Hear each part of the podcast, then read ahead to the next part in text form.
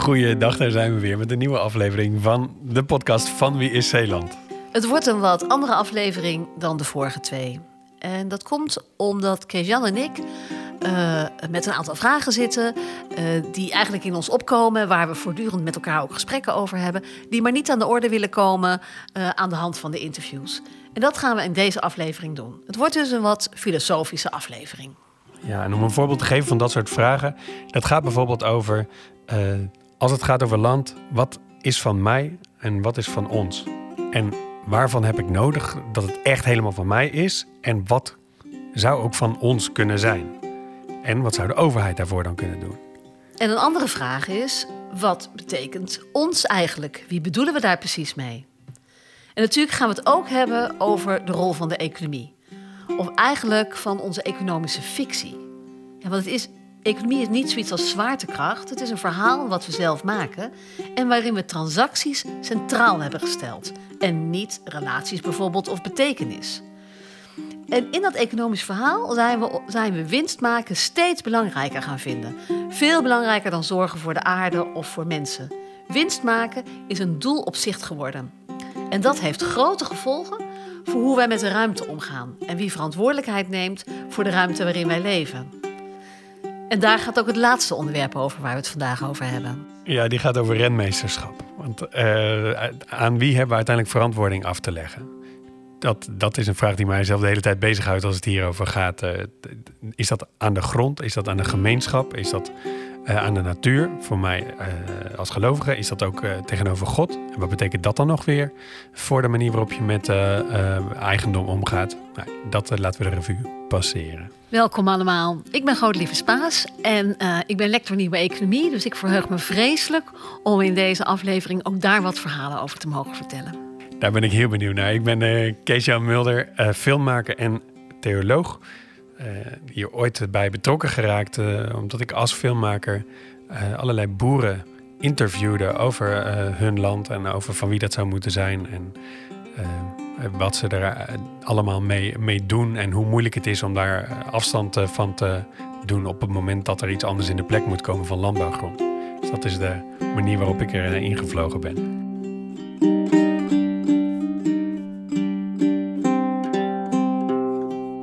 Laten we beginnen. Uh, misschien wil jij beginnen, Kees-Jan, met uh, uh, wat, wat heb jij nou, wat wil je nou echt bezitten als het gaat over land of huis of bedrijf? En wat mag ook wel van een ander zijn of van elkaar zijn? Mm, ik heb heel lang in een huurhuis gewoond en ik heb nu een koophuis. en daar ben ik ontiegelijk blij mee, omdat het iets afbakent. Het zegt iets van: dit is van mij.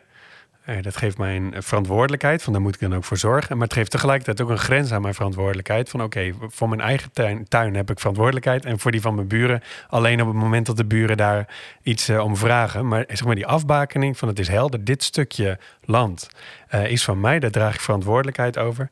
Dat vind ik heel erg prettig. En op het moment dat alles van mij zou zijn of niks van mij zou zijn, dan krijg, gaat, krijg ik zelf een kortsluiting in mijn hoofd van ja, maar wat is dan nog mijn verantwoordelijkheid? Ja, dat snap ik wel. Dus eigendom en verantwoordelijkheid zijn voor jou heel erg gekoppeld. Ja, ik heb ook een eigen huis en ik ben daar ook super blij mee. Um, niet alleen maar vanwege het feit dat ik weet wat van mij is, maar het geeft me ook een soort van zekerheid voor de toekomst. Het is ook mijn pensioen. Het is ook uh, zorgen hè, dat ik altijd een plek heb waar niemand me zomaar vandaan kan jagen. Ja, dat denkt Boer ook. Dat het het appeltje voor de dorst is voor de komende generaties. Maar in de afgelopen aflevering hoorden we ook dat het water gaat komen. En dat het nog maar de vraag is of dat bezit voor altijd van jou blijft. Ja, misschien moeten we dan ook hier die fictie van eigendom wel anders gaan definiëren. Hè? Nu is het idee, als het van mij is, dan blijft het van mij. En dan kan ik er ooit nog, uh, nou inderdaad, mijn pensioen mee regelen. Misschien moeten we wel zeggen dat we het in de economie zo regelen dat er altijd voor iedereen een plek is om te wonen, om te leven, om je voedsel te verbouwen, om dingen te maken en dat je daarop kan vertrouwen. dus dat je dat niet hoeft te kopen, maar dat je dat doet op basis van vertrouwen en dat je ook wisselt van plek op het moment dat iemand dat je minder nodig hebt of juist meer nodig hebt. dus dat we op die manier passend bij levensfase, behoefte en context, of als de zee komt, zorgen dat er een plek voor je is. Staat dat niet op spanning met het hele idee van individueel eigendom? Dat iets echt van jou is? eh, als het afgebakend blijft, dan is het misschien goed. Maar als alles van iedereen is, dat lijkt mij onwerkbaar. Aan de ene kant zou je dan een regelende instantie moeten hebben. Ehm, aan de andere kant ben ik ook benieuwd wat er gebeurt als je samen eigenaar bent van een stuk grond. Dus hè, dat je het eigenaarschap deelt. En een voorbeeld waar ik dan meteen aan moet denken is, we hadden het er al eerder over, is de herenboeren. Ik ben ook lid van de herenboeren in Rotterdam en samen bepalen wij wat er gebeurt met het stuk land dat we met z'n allen pachten en waar we ons voedsel op verbouwen. En dat betekent dat we beslissingen moeten nemen over wat daarop gaat groeien. Dus we moeten met 200 gezinnen of 200 huishoudens, moeten we met elkaar bepalen wat we graag willen dat daar is. Dus dan komen discussies over eetgewoontes op, maar er komen ook discussies op over wat je verstaat onder dierenwelzijn. Daar verstaan we allemaal iets anders over. Dus, dus we hebben echt fundamentele gesprekken over wat goed is en niet goed is voor die groep van 200 huishoudens en voor de boer die daar werkt en de dieren die op dat land lopen. En ik vind dat super waardevol, omdat ik totaal andere beslissingen neem in dat collectief dan dat ik zou nemen als ik het helemaal alleen doe. Omdat ik dan ook alleen mijn eigen kennis heb, mijn eigen ideeën heb. Um, en hier moet, ik, hier moet ik voorbij mezelf. Ik moet me laten veranderen. En ik moet op de een of andere manier niet alleen mijn eigen belang en mijn eigen verantwoordelijkheid nemen, maar ook die voor het collectief. Hoe ziet dat er dan concreet uit? Zit je met elkaar aan tafel of gaat het online? Of hoe, uh, hoe werkt dat? Nou, tijdens corona ging het online, maar nu hebben we gewoon een algemene ledenvergadering. En stellen we het groeiplan vast. En hebben we ook heel, we hebben hele grappige discussies. Ik bedoel, onze kippen lopen vrij rond. En als je kippen vrij laat lopen op een stuk land, dan komen er vossen en uh, roofvogels. Dus die eten onze kippen op. En dan is de volgende vraag: wat gaan we doen? Zetten we de kippen in, in een hok? Ja, nee, maar precies. Dus en, en dat is heel grappig, want we zijn het helemaal niet eens. Sommige mensen zeggen, nou weet je wat, dan doen we een paar kippen mee. Dan hebben die vossen ook wat te eten. Anderen zeggen, we stoppen die kippen in een hok. Weer anderen zeggen, nee, dat was nou juist niet de bedoeling. Ze moeten vrij... Nou, je kunt je voorstellen... Maar die verantwoordelijkheid, die, we dus, die zo belangrijk is, waar jij het ook over hebt... die gaat dus veel verder dan alleen maar wat is goed voor mij. En beslis je dan met meerderheid van stemmen? Of moet je het altijd met elkaar eens zijn om tot een beslissing te komen? hangt er vanaf. Uh, we doen nu met meerderheid van stemmen, maar in de praktijk komt het erop neer dat we een vorm van consent doen. En dat wil eigenlijk zeggen, we praten net zo lang tot iedereen zegt: Oké, ik vind misschien niet de beste beslissing, het zou ook niet mijn beslissing zijn, maar hier heb ik geen bezwaar tegen. Dus ik ga akkoord met wat we hier doen. Het, het klinkt als, als hele lange vergaderingen. Ja, valt mee. weet je, uh, het voordeel is ook dat we relatief onervaren zijn. Dus bij sommige dingen ook gewoon denken: um, weet je wat, we doen het gewoon, we proberen het uit. En als het niet goed is, dan doen we het daarna anders. Ik kan me wel voorstellen dat je, je hebt dan allemaal nog wel uh, op een bepaalde manier dezelfde mening of hetzelfde ideaal. Want je hebt samen geïnvesteerd in dat ene stuk land. Maar als we kijken naar wat we tot nu toe van Zeeland hebben gezien, dan is dat veel meer multi-stakeholder uh, gebeuren waar er meerdere stakeholders in zitten die ook heel erg verschillende belangen uh, hebben. Kunnen we iets leren van jouw ervaring bij de herenboeren? Of, of werkt dat eigenlijk alleen als de neuzen al min of meer dezelfde kant op staan? Ja, weet je, ik moet meteen denken aan dat verhaal in de vorige aflevering over de nieuwe omgevingswet. En over ruimte voor de rivier, waarin allerlei partijen met totaal verschillende belangen toch met elkaar in gesprek moesten en er ook uitkwamen om te bedenken hoe ze uh, met hun eigen bedrijf iets anders zouden gaan doen, omdat op die plek het water zou komen als de rivier buiten zijn oever streed. Dus ik denk dat we, als je kijkt naar de nieuwe omgevingswet en naar wat wij doen bij de herenboeren, dat we daar echt van elkaar kunnen leren. Want die nieuwe omgevingswet heeft natuurlijk veel meer verschillende partijen. Maar het lastige bij die nieuwe omgevingswet is dat er verschil is in macht. Er zijn mensen met heel veel land en heel veel bezit en hele grote bedrijven. En mensen zoals jij en ik met één huis. Met een voor- en een achtertuin als we een beetje geluk hebben. Of zelfs maar een appartement. En hoe ga je nou met die grote belangenverschillen... hoe ga je daar nou wel dat eerlijke, gelijkwaardige gesprek hebben? En dan kom ik terug bij eigendom, want dan vraag ik me af... zou het niet een goed idee zijn als we veel preciezer waren in wat de maximale eigendom is die iemand kan hebben. Of die bij een bedrijf hoort of bij een. Ja, als het gaat over grond, heb ik het dan even over grond, gebouwen, huizen. Of dat, um, Of dat we een soort ongebreideld de een heel veel mag hebben en de ander heel weinig. Snap je waar ik op zoek? Ik ben een beetje. Ik snap waar je op zoekt. En die herverdeling, die. die het, verlangen naar herverdeling, wat, je, wat, wat ik hoor bij je, dat, dat zit er volgens mij in dat iemand te veel eigendom heeft en dat eigendom ook macht uh, en verantwoordelijkheid uh, geeft. Um, en dat het niet eerlijk is als één iemand uh, al die macht of al die verantwoordelijkheid heeft. Maar het idee van herverdelen, daar gaan bij mij dan wel ook alarmbelletjes van klinken. Van ja, dit klinkt voor mij nogal communistisch. En, en de vorm van alles is van iedereen.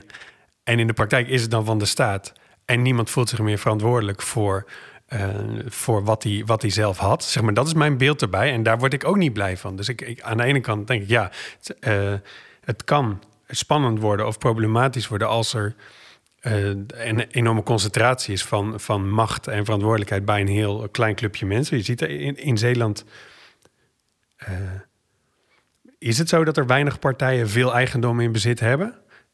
Ja, dat is het geval. Maar ik weet niet of her, herverdelen, zeg maar. We zitten nou eenmaal met de situatie die is zoals die is. En die, dat, niemand zit te wachten op revoluties of op, op afpakken van.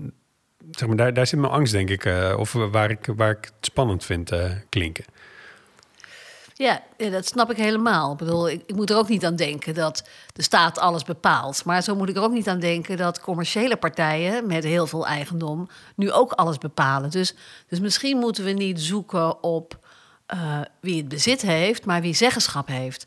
Uh, ik heb geen idee, maar wat ik me kan voorstellen, dat je soort coöperatieve gedachte erin brengt en zegt van, in feite, het maakt niet uit of je vele veilig hebt, maar je hebt één stem in het gesprek over hoe we de ruimte met elkaar gaan inrichten. Maar dat is toch precies wat democratie is? Dat, of zeg maar, dat is.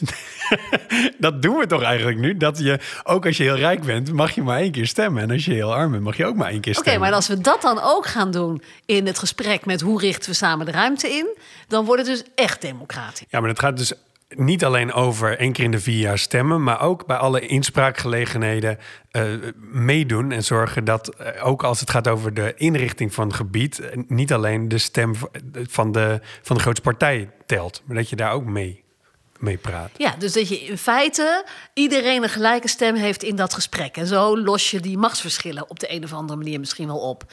En in feite zou je dat door moeten trekken naar ook de verantwoordelijkheid voor dat eigendom in de vorm van een appel dan? Of appel doen op de mensen die iets hebben, dat die dan ook verantwoordelijkheid nemen?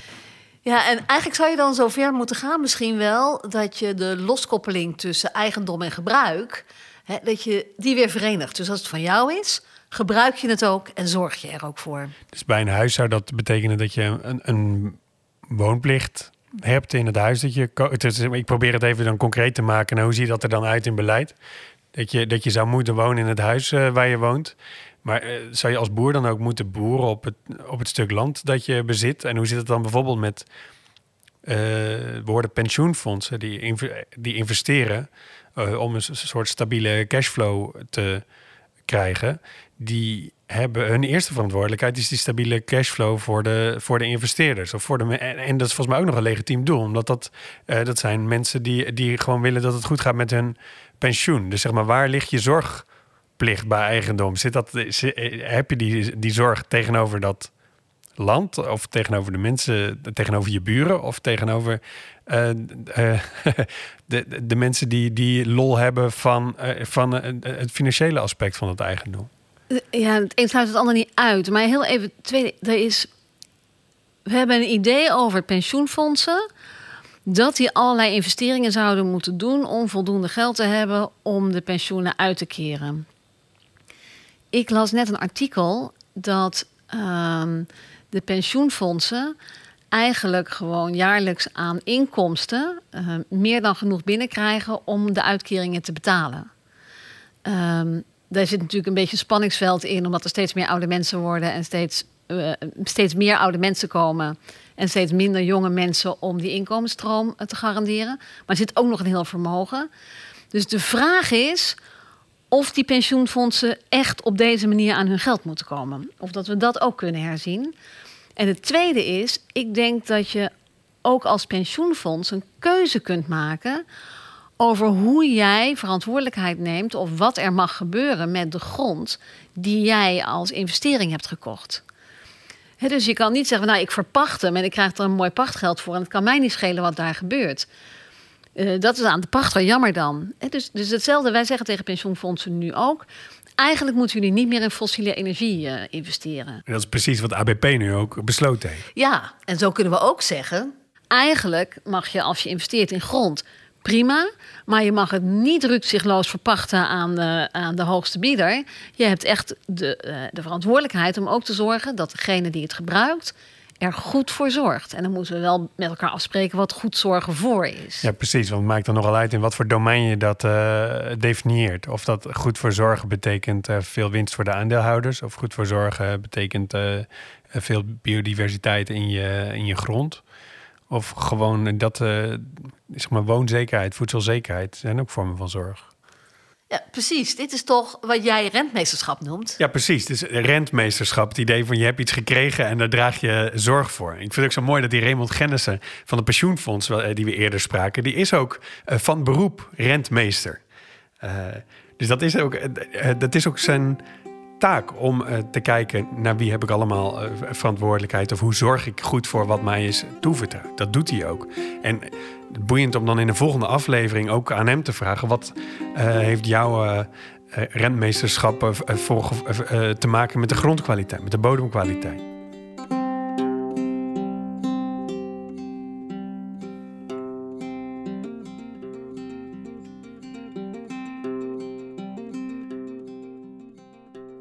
Ik, wil wel um, een stapje verder maken eigenlijk. Want we hadden ook een tweede vraag. Hè? Want we zeggen van is het van, van mij of is het van ons? Ja.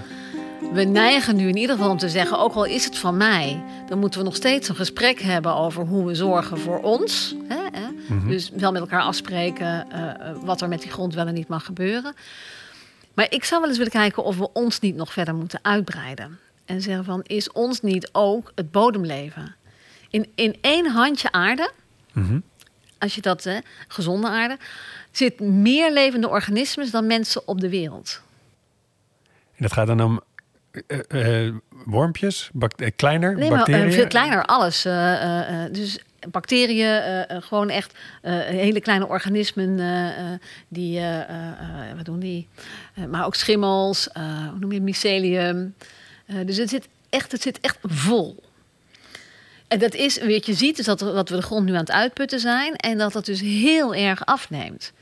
Nou, als je nou bedenkt dat die grond niet alleen van ons is, maar ook van alle leven wat in die grond zit en wat daarop leeft. Dus als wij de grond uitputten, betekent dat niet alleen maar dat dat leven in de grond niet meer goed werkt, maar ook dat dat leven voor de vogels die boven die grond vliegen niet meer goed werkt. Dat het leven voor de egels die daarop rondscharrelen uh, eigenlijk af, uh, kwaliteit afneemt. Mogen wij dat doen? Hoe belangrijk is het om te zeggen dat de natuur ook recht van spreken heeft als het gaat over de kwaliteit van de grond en het eigendom daarvan? Volgens mij zijn er veel, veel culturen waarin dat ingebouwd zit.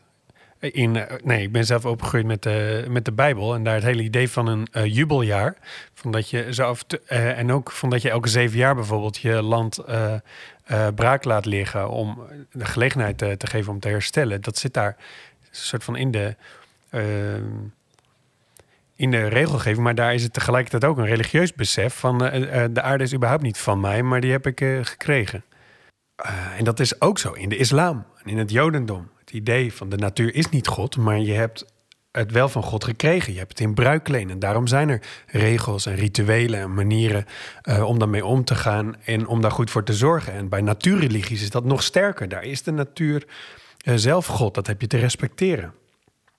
En juist als die natuur niet, niet terugpraat, dan helpt het enorm om rituelen en regels te hebben waarmee je er toch zorg voor draagt. En op het moment dat die, dat, dat afneemt, of dat je die, die symbolen en rituelen uh, verlaat, dan heeft dat ook gevolgen voor onze relatie met de natuur.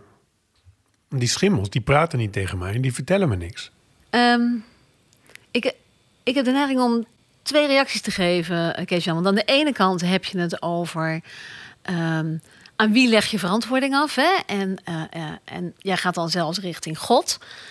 Ehm, voor mij zijn juist mijn kinderen en de kleinkinderen en alle generaties die daarna komen ook super belangrijk. Hebben zij nog een plek om te leven? Hebben zij nog grond die vruchtbaar genoeg is om graan op te eh, zaaien en te oosten?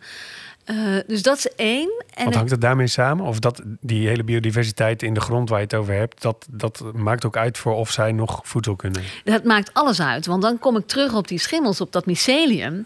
Want dat is eigenlijk het internet van de planten, zou je kunnen zeggen. En Mhm. eh, het, het World Wood Web noemen ze dat. Maar het is werkelijk zo. Want als je kijkt, hè, weer die herenboeren. Ja, ik leer daar zo. Dat is echt ongelooflijk wat je leert als je zelf gaat boeren. Maar dat bijvoorbeeld onze bomen, naast onze bomen eh, zit smeerwortel. En eh, de smeerwortel heeft eh, oppervlakkige wortels en de bomen hebben diepe wortels. Als het nou heel droog is, dan heeft die smeerwortel, die vangt die eerste regen op en die wisselt dat uit met die appelboom. In ruil voor beetje. suikers. Die krijgt ook. Ze delen dat. Ja. En dit is gewoon een voorbeeld van twee. Maar die, dat hele bodemleven, dat houdt elkaar op deze manier in leven en in stand. En, eh, en voedt elkaar en wisselt ook informatie uit. Letterlijk informatie uit. Dus je kijkt als een... eh, ehm, boomsoort, dan ben ik vergeten hoe die heet. Maar in Afrika, die, die, daar worden de blaadjes bitter als de giraffen daaraan gaan eten. En die eerste boom worden de blaadjes bitter. En die communiceert zodat alle bomen daaromheen ook alvast die bittere smaak aan hun, eh, aan hun blaadjes geven.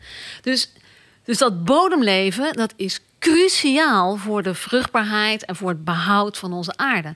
En we denken dat dat allemaal een beetje onzin is, maar dat is echt belangrijk. Levensbelangrijk. zelfs. Als de grond doodgaat, dan gaan wij dood. Wij zijn deel zelf van die biodiversiteit. Dan heb je eigenlijk die, die, dat rentmeesterschap eh, komt weer terug.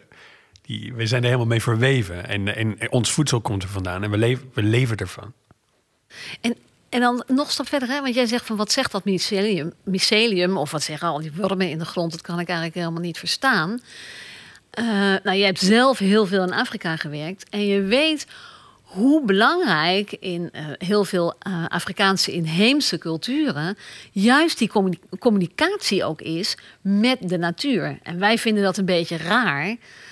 Maar opmerkelijkerwijs hebben zij ongelooflijk veel kennis van wat die natuur ons kan geven en hoe dingen het beste groeien, die wij met al onze wetenschappelijke kennis eigenlijk al bijna niet meer weten. Hè? De samenhang der dingen raken we kwijt. Die samenhang met de natuur die doet me denken aan het werk van broeder Dieleman. Dat is een van de kunstenaars die we gevraagd hebben om eh, zijn reflectie te geven op eh, waar we hiermee bezig zijn. En eh, we belden hem op.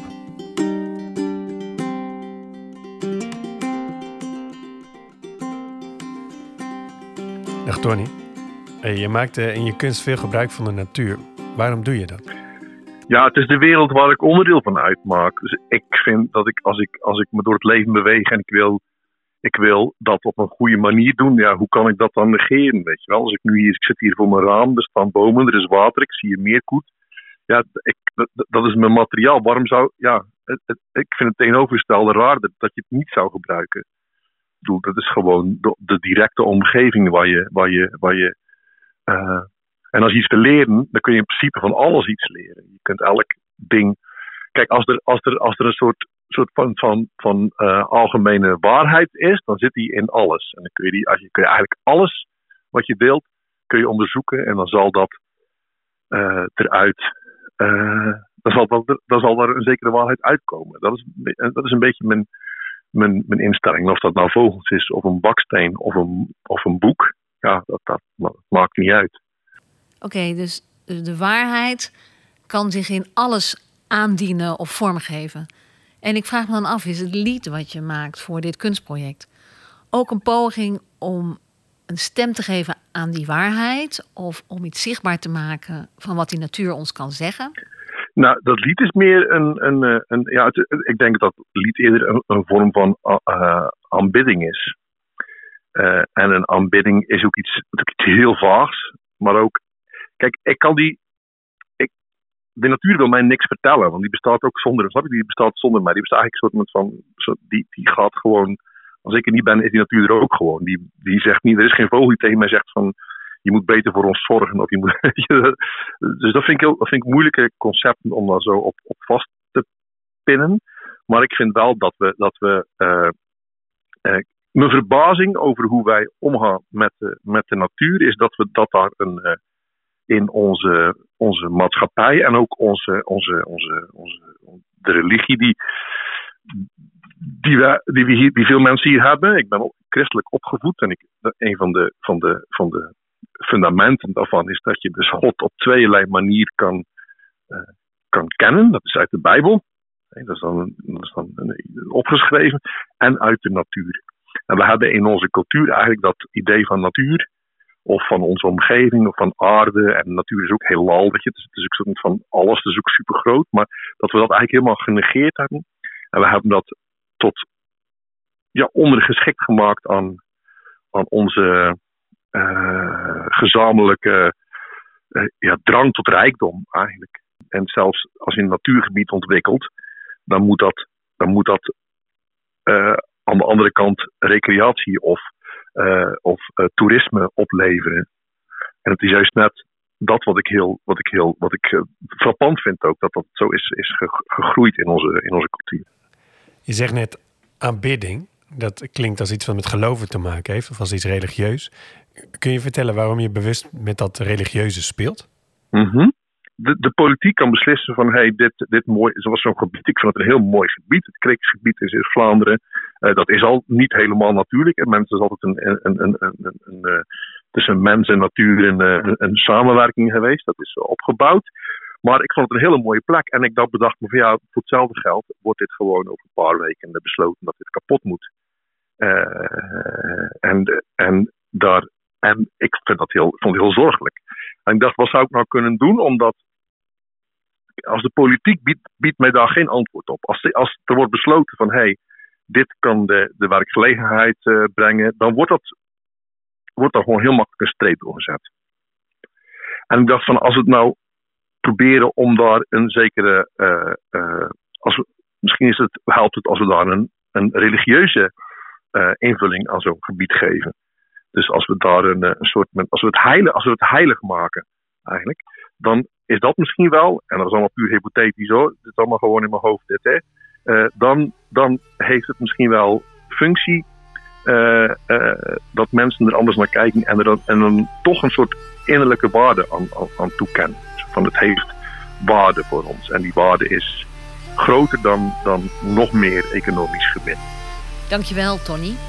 Uh, laten we even gaan luisteren naar een stuk uit het lied dat je voor ons aan het maken bent. U bent moeder, ik ben kind. Uw schoot is mijn geboortegrond. Uit u ben ik in vorm gegoten.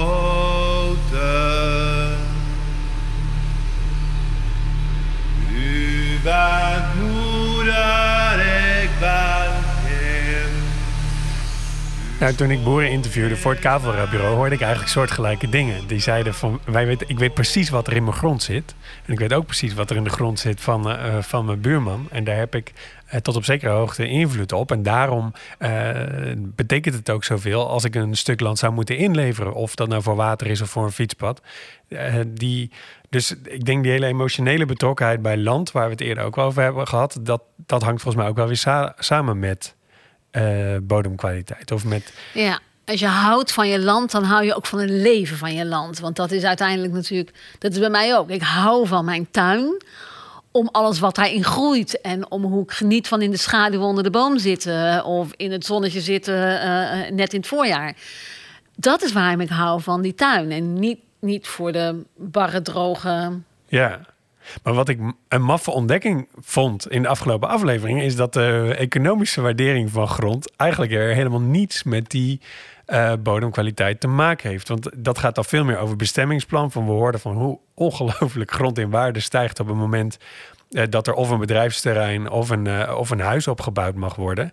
En het hele idee van eh, speculeren op grond of grond gebruiken als een eh, investering, eh, of ook eigendom, het kunnen ook huizen zijn, gebruiken als investering, dat, dat lijkt soms nogal te botsen met het idee van dat eigendom je ook verantwoordelijkheid geeft. Ja, en nu kom je op mijn terrein eh, als het gaat over economie. Of, ik weet natuurlijk niet iets van economie als econoom, maar als antropoloog. En ehm, toch, hè, weet je, de manier waarop wij onze economie hebben georganiseerd of ingericht, dus met die speculatie en ook met het losknippen van die verantwoordelijkheid, ehm, dat is dat is een verhaal wat wij tot op heden zelf gewoon bedacht hebben. Hè? De economie is niet een wetenschap, een natuurwetenschap. Het is geen zwaartekracht. Je kan het herschrijven. Wij hebben het bedacht. Wij kunnen het herschrijven.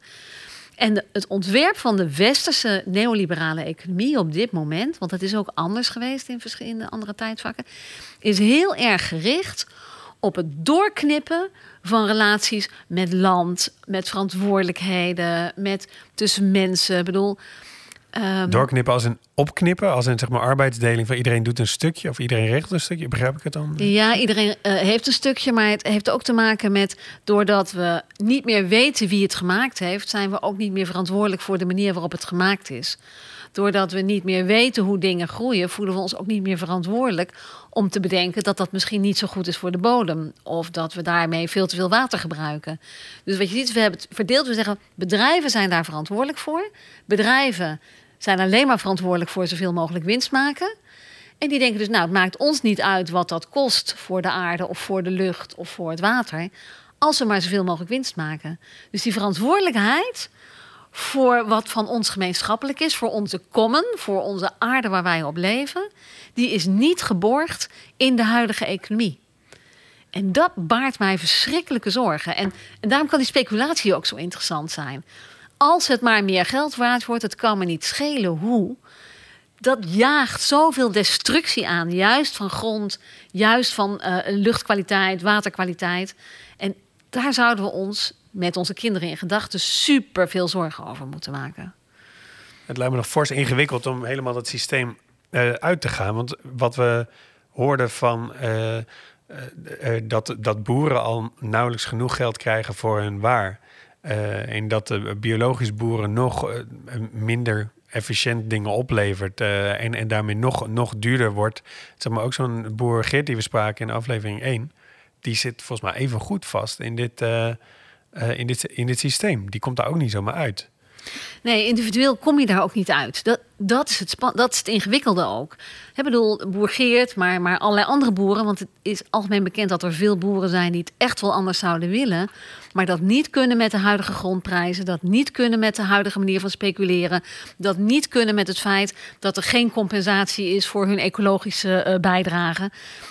Dus er is iets aan de hand waardoor dat economisch systeem ons eigenlijk weghoudt bij zorgen voor elkaar en zorgen voor de aarde. En ik ben benieuwd, hè, van, zou de overheid daar nou iets in kunnen doen? En, of, en wat zou de rol van de overheid dan moeten zijn? Ja, ik, eh, als ik denk aan. eh, we vroegen ons eerst af van wat, eh, wat is eigendom wat ik voor mezelf wil hebben. En wat zou eigendom zijn wat we samen zouden kunnen hebben. Moest ik meteen denken aan parken. Dat vind ik heel fijn als, als ik belasting betaal en de stad zorgt dat het park er mooi bij ligt. En dat is dan de soort van de tuin eh, van de stad. Dus dan. dan eh, de overheid zou dus zorg kunnen dragen voor dingen waar we collectief lol van hebben. En dat kan volgens mij ook gaan over land.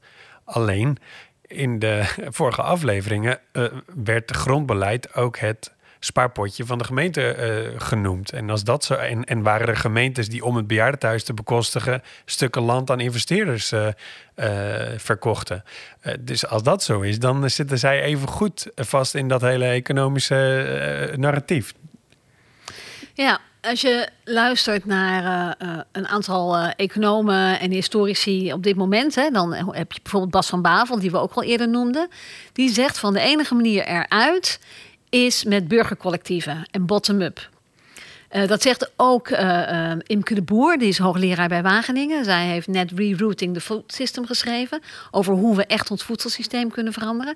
En ook zij zegt, het begint eigenlijk bij de burger, dus niet bij de consumenten.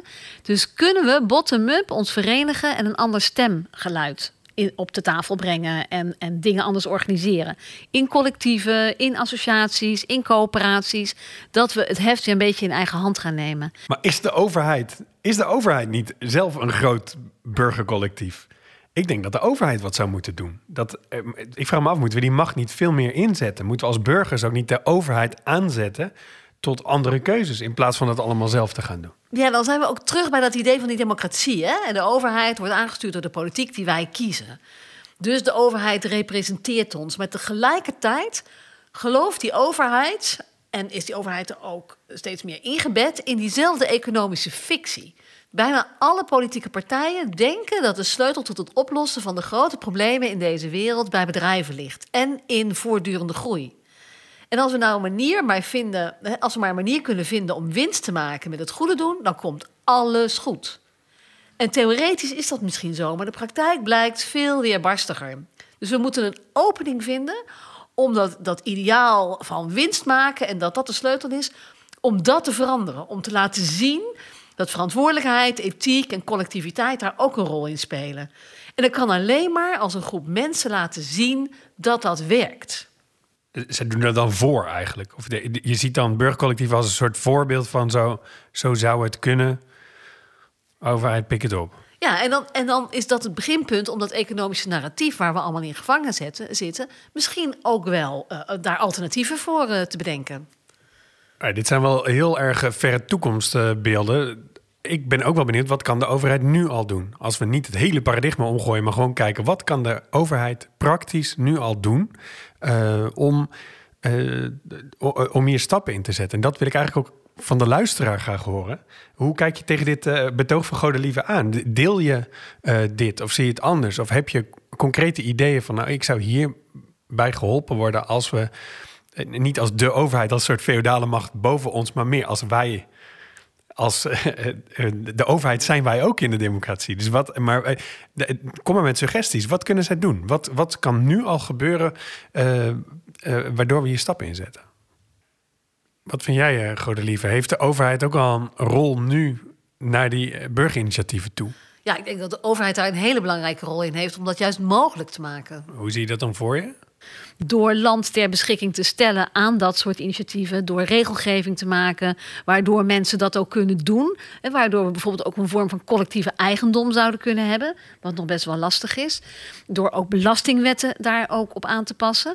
Uh, door te zorgen dat er voldoende land, hè, land wat nu vrijkomt, bijvoorbeeld agrarisch land, dat de overheid dat misschien wel een tijd in portefeuille heeft om eerst eens rustig te kijken. Wat kunnen we daar allemaal mee doen voordat het meteen weer doorverkocht wordt of aan speculanten of aan. Dus, dus de overheid, ik denk niet dat we de overheid verantwoordelijk moeten, moeten maken om dat allemaal voor ons te regelen. Maar dat we zelf in dat spel moeten zien te komen. Het idee is helder van, van de burgers zouden zich kunnen verenigen. Wordt dat dan ook meteen uh, politiek of zou je dat ook over politieke standpunten heen uh, kunnen doen? Of over religieuze standpunten heen of over zeg maar op basis waarvan verenig je je dan? Ik denk dat je zodra je uh, uh, je op een bepaald principe verenigt, is dat een politieke keuze. Het is geen partijpolitiek, maar het is wel een politieke keuze. Dus ik denk zeker dat je misschien verschillende groeperingen krijgt die ook met verschillende ideeën samen voor land gaan zorgen, of samen voor gebouwen gaan zorgen, of samen voor een gebied of een regio, of, of de interactie tussen water. Uh, hè. Ik bedoel, een mooi voorbeeld is uh, Lian Poa. Zij heeft een initiatief dat heet Drinkable Rivers, hè, drinkbare rivieren. En zij zegt, als alle rivieren weer drinkbaar zijn, is ook het hele gebied om die rivieren heen ook weer gezond en vitaal en biodivers. Want dat hangt namelijk met elkaar samen. Dus alle activiteiten die je moet doen om die rivieren drinkbaar te krijgen, komen van het land en hebben dus een impact op de inrichting van het land. Als je je daaromheen verenigt als burgers of als mensen en misschien ook wel met bedrijven samen, want het is niet gezegd dat bedrijven dat per se niet willen, dan kun je ongelooflijk veel voor elkaar krijgen. Dus ik denk als we dat soort initiatieven zouden hebben, Laatst had een, uh, een, vriend van mij het idee, die zei van... als we nou eens in steden een initiatief zouden starten... alle hemelwater uh, in de grond, dus niet meer in de riolen. Dat, dat zou het hele beeld van de stad en de hele activiteit... en de manier waarop we de stad inrichten, wat daar groeit... dat zou alles veranderen. Nou, het zou uh, vrij modderig worden dan ook.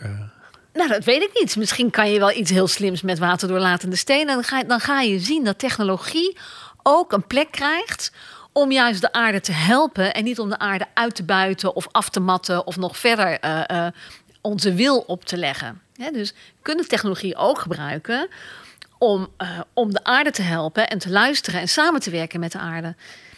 Dat zien wij ook bijvoorbeeld in het boerenbedrijf. Dat als je met hele kleine robots en drones werkt, dat je echt een vorm van um, agroforestry heet dat. Hè? Dus een vorm tussen uh, landbouw en wildernis in. Hè? Uh, en dat je dus heel gemengd allerlei dingen verbouwt. Nou, dit is met de hand is dat enorm arbeidsintensief. Maar met technologie zouden we dat wel kunnen doen. Nou, zo zijn er heel veel mogelijkheden. Waarvan ik denk, als we daar ons best voor zouden doen, dan zouden we echt stappen kunnen maken.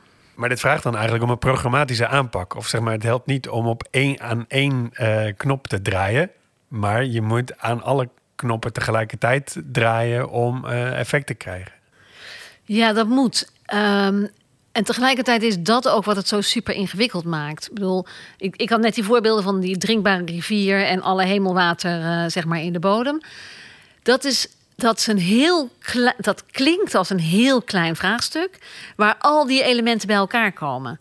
En als je zegt we moeten alles meteen met alles doen, dan kom je er niet meer uit. Dan raak je ongelooflijk de weg kwijt. Dus we moeten een paar van, of tenminste dat zou mijn voorstel zijn, een paar van dat soort thema's moeten we benoemen en dan zeggen wat moet wie nou doen om dit voor elkaar te krijgen. En dat zijn zowel bedrijven als burgers, als overheden, als NGO's, als kunstenaars. Iedereen die iets in eigendom heeft. Want dat is dan wel de sleutel. Dat je dat, je, dat zeg maar, alleen mensen die er ergens verantwoordelijkheid over hebben en kunnen uitoefenen, die, die kunnen hier dan ook aan meedoen.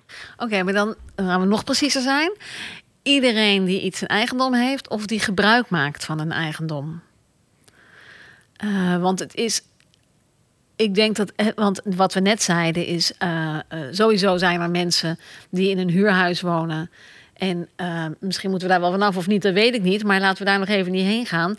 Dan moet zowel de huurder als de verhuurder, denk ik, een verantwoordelijkheid hebben in hoe je samen zorgt voor als je eh, de grond hebt uh, die zowel natuur als landbouw, als plek is waar je energie kan opwekken, als een plek is waar je kan wonen, en dat misschien wel allemaal door elkaar, dan moeten al die verschillende partijen, die soms eigenaar zijn, soms geen eigenaar zijn, soms met z'n allen samen eigenaar zijn, moeten met elkaar kijken wat iedereen vanuit zijn eigen rol, zijn eigen verantwoordelijkheid moet doen om dat grotere vraagstuk opgelost te krijgen. Dat is ook het hele idee van gebiedsgericht werken. Ja, dan is dat de, maar dan is de ambitie die de provincie heeft geformuleerd leidend voor, voor aan welke knoppen dan gedraaid gaat worden. Nee, dan is, de provin dan is het van belang dat de provincie uh, haar rol neemt als mogelijkmaker om dat gesprek en die samenwerking voor elkaar te krijgen. Dus die moeten tafels klaarzetten waaraan we samen kunnen eten. En die moet grond in de portefeuille hebben om dingen mogelijk te maken. Die moet regelgeving hebben die stimuleert om die verantwoordelijkheid te nemen. Die moet subsidies geven om te zorgen dat de mensen die geen geld hebben, maar wel een bijdrage moeten leveren, die ook kunnen leveren. Die hebben ongelooflijk veel verschillende manieren om dat voor elkaar te krijgen. Ja, dat is, dat is denk ik ook de zoektocht van deze podcast. Welke manieren zouden daar nog bij kunnen komen? Ook daarvoor uh, willen we weer vragen aan de luisteraar om mee te denken. Uh, daar ook uh, op toe te voegen van waar heb jij behoefte aan om zo'n gesprek te kunnen aangaan. Om aan de knoppen te kunnen draaien waar je aan wilt draaien. Wat is daar dan voor nodig? Wat voor instrumentarium wat voor regels, wat voor tafels, wat voor plekken zijn daarvoor nodig? Ja, ik wil nog wel eh, een uitdagender vraag stellen aan de luisteraars. Eh. Want wie vind je dat mee moet praten over al die inrichting van het gebied? Uh, zijn het alleen maar mensen? Is dat ook de natuur? Hoe zou je die natuur willen laten meepraten? Hè? Of hoe zou je de, de dieren de die in de schimmels, maar ook de koeien die in de stallen staan. Hè? Dus uh, hoe, zou je, hoe zou je cultuur en ons culturele erfgoed daar ook een stem in willen geven? Daar hebben we het de vorige aflevering ook uitgebreid over gehad. Dus wie vind je dat mee moet doen in dat zorgen voor onze ruimte? En hoe kunnen we dat het beste doen? Wat moeten burgers dan doen? Wat moeten overheden doen? En wat moeten bedrijven doen? Kom erop met die ideeën. Dan gaan we in de laatste aflevering al jullie ideeën bij elkaar brengen en daar de laatste podcast van maken. Ja, en dat kan via de LinkedIn-groep van Wie is Zeeland... of ga naar de website van de provincie Zeeland en praat mee hierover. Graag tot de volgende keer.